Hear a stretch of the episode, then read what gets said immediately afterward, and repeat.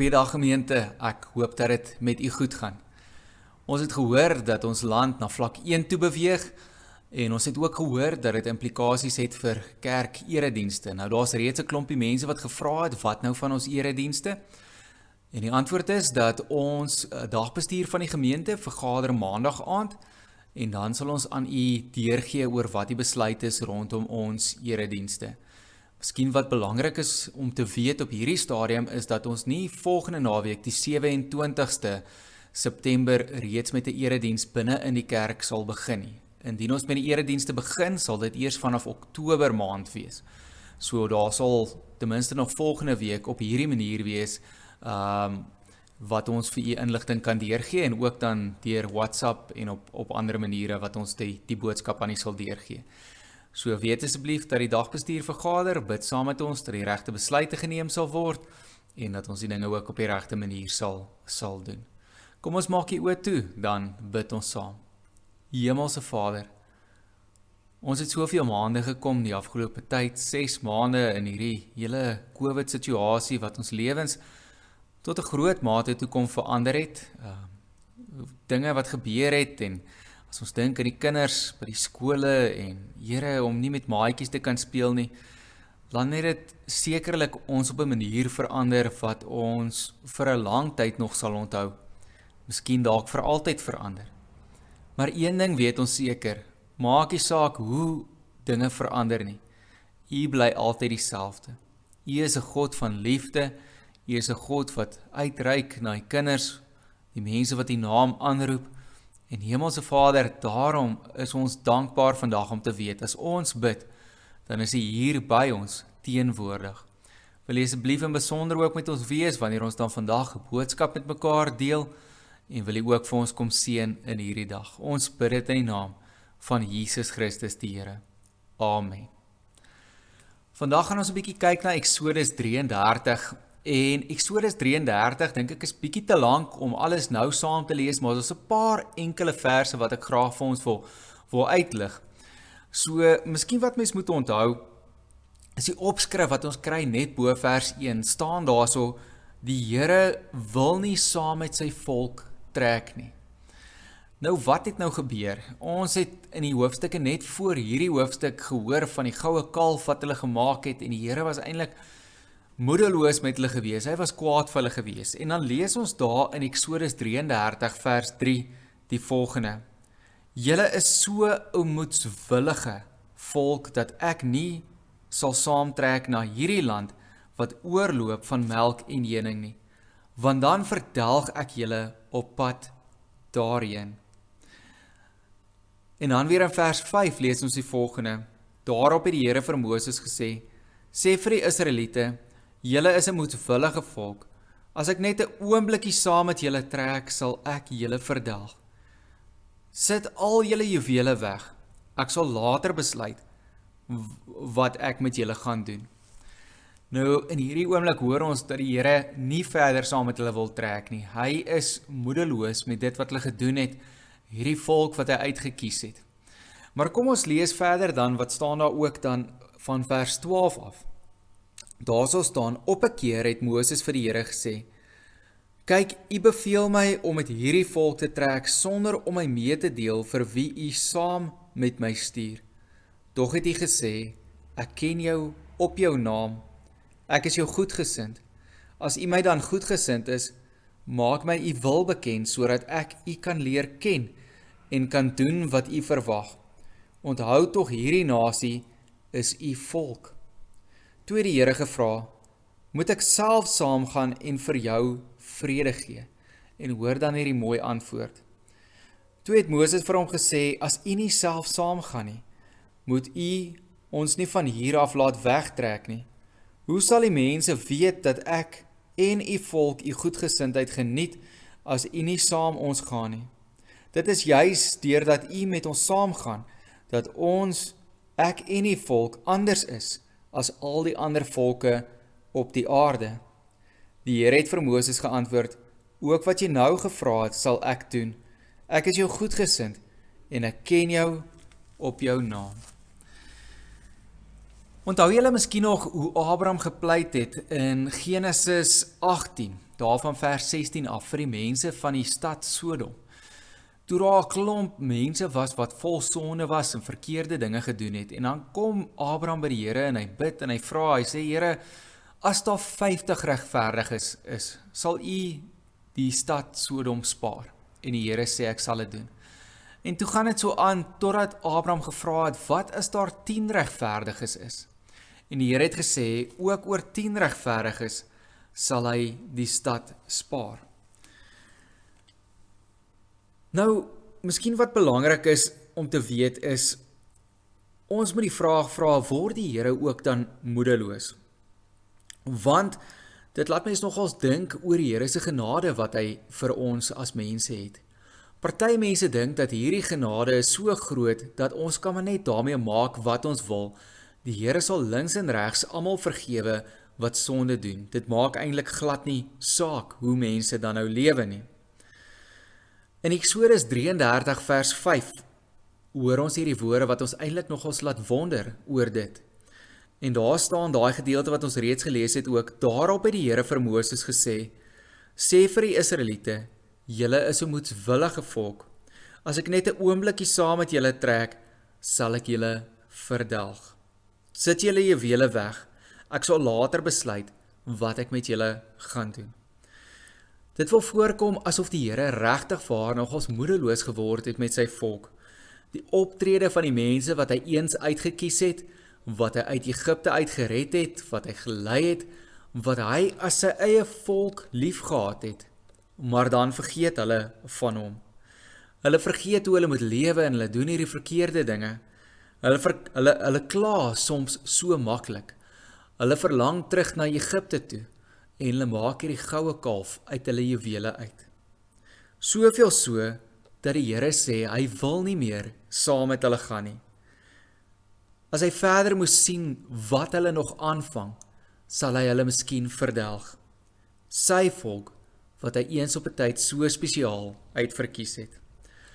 Maar dan is daar hierdie gebeurtenis en ons kan die vraag vra wat verander die Here se besluit dan? Moses het egter 'n baie spesiale verhouding met die Here gehad. Hierdie verhouding kom al lank pad. En Moses het besef dat hy kan nie hierdie pad wat hy so saam met die volk moet stap alleen aanpak nie. Hy het die Here se hulp in dit alles nodig. In Eksodus 3, toe die Here vir Moses geroep het daar by die brandende bos, het die Here vir hom gesê in vers 12: Ek sal by jou wees en die bewys dat ek jou gestuur het, sal dit wees: Wanneer jy die volk uit Egipte bevry het, sal julle my by hierdie berg aanbid. En daarom verstaan ons dat Moses se se moed sak in sy skoene wanneer hy hoor dat die Here sê dat hy nie meer verder saam met hulle gaan trek nie. Want Moses besef hy kan nie sonder die Here hierdie pad aanpak nie. Maar dan gebeur hierdie verskriklike mooi ding daarvan hoofstuk 33 vers 14 af. Toe het die Here gevra, "Moet ek self saamgaan en vir jou vrede gee?" En toe het Moses vir hom gesê, "As u nie self saamgaan nie, moet u ons nie van hier af laat wegtrek nie." Hoe sal die mense weet dat ek en die volk u goedgesindheid geniet as u nie saam met ons gaan nie? Dit is juis deurdat u met ons saamgaan dat ons ek en die volk anders is as al die ander volke op aarde. En die Here het vir Moses geantwoord: "Ook wat jy nou gevra het, sal ek doen. Ek is jou goedgesind en ek ken jou op jou naam." Dit blyk of die Here dan tog besluit het om saam te gaan nie oor die volk nie, maar eerder oor die regverdige pad wat Moses met die Here gestap het. Al 'n lang pad wat hy saam met die Here gekom het. Amper soos in Genesis 18 waar Abraham dan pleit vir die mense van Sodom en die Here beloof om die stad te spaar as daar 10 regverdige mense is. Die Here sal nie die stad spaar oor die onregverdige mense nie, maar oor die 10 regverdiges wat daar gewoon het. En dit laat mens nog ons wonder oor die Here se genade dan, wat ons vroeër ook so 'n bietjie oor gepraat het. Baie mense dink dat hulle links en regs verkeer kan doen, dat hulle hierdie genade van die Here sommer maar net beleef. Maar beleef hulle nie miskien die genade van die Here omdat daar dalk regverdige mense rondom hulle is nie? Omdat die Here ons spaar en ons goedgesind is omdat daar mense is wat regverdig lewe nie. En dan dink die mense wat onregverdig lewe en wat vol sonde is, dat kyk hoe seën die Here my en kyk hoe goed is hy vir my. Maar eintlik is dit nie oor hulle lewe nie, maar oor ander mense se lewens wat regverdig is. Dink die vraag is, probeer elkeen van ons soos 'n regverdige leef? Daar's verse in die Nuwe Testament wat my al baie laat dink het. Ek dink dis verse wat mens ernstig moet opneem. Wat baie mense sê, maar kyk in die Nuwe Testament het Jesus dan vir ons gesterf aan die kruis. Sy genade is groot. Dit is inderdaad so. Maar hoor hierdie verse en dis die verse waaroor ons baie ernstig moet nadink. Dis in Matteus 7 vers 21 tot 23. Daar staan: Nie elkeen wat vir my sê, Here, Here, sal in die koninkryk van die hemel ingaan nie maar net hy wat die wil doen van my Vader wat in die hemel is.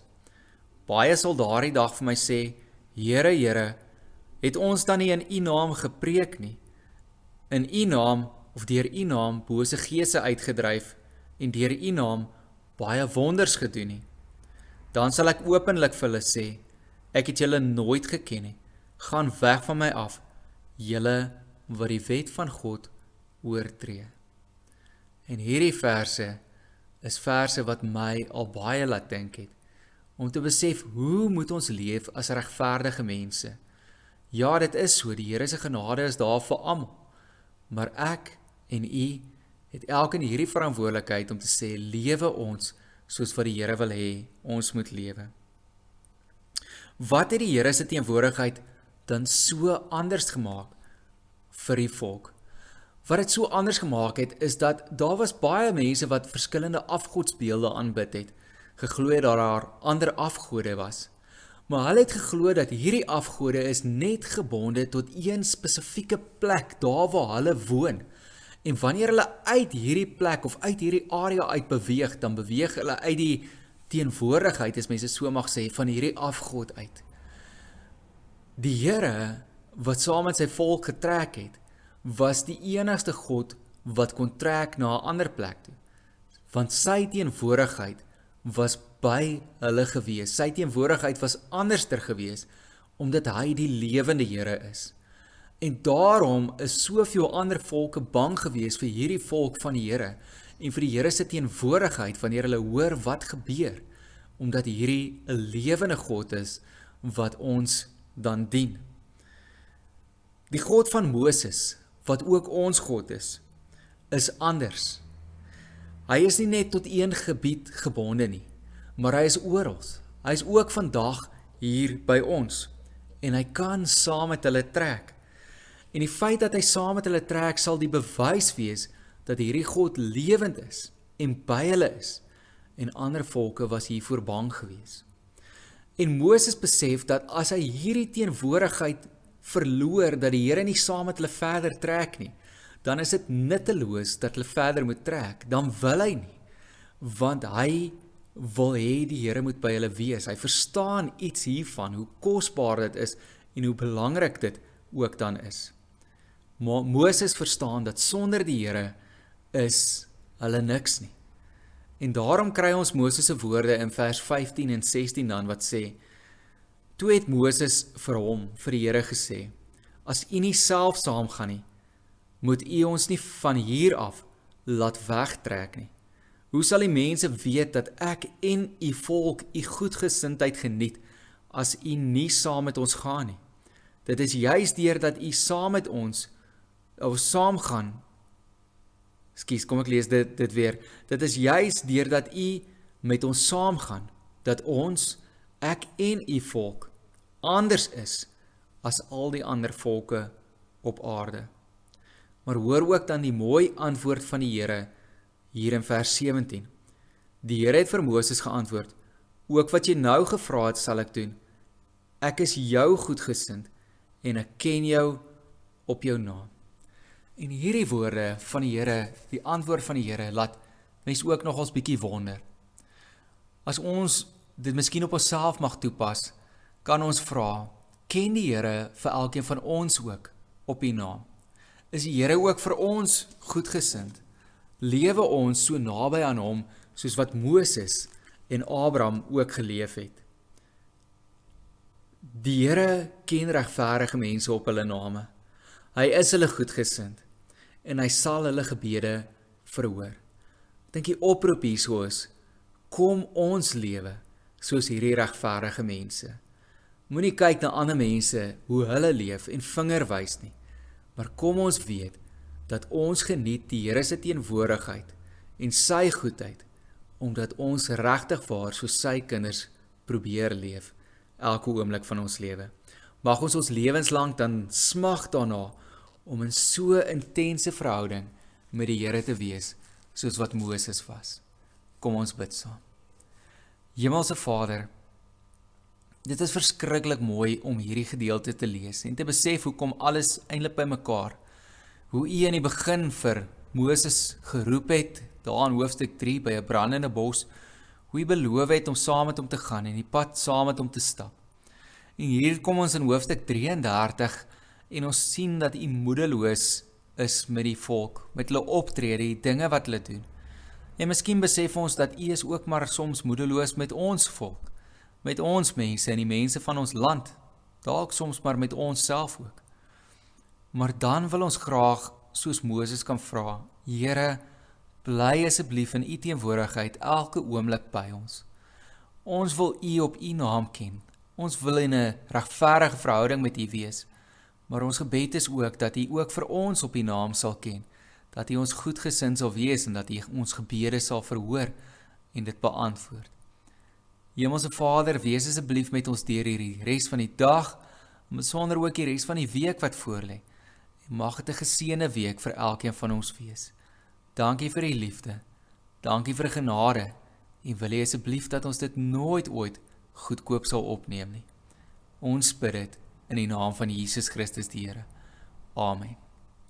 Mag elkeen van julle 'n baie mooi dag verder hê, dit geniet en ook 'n baie geseënde week hê. Totsiens.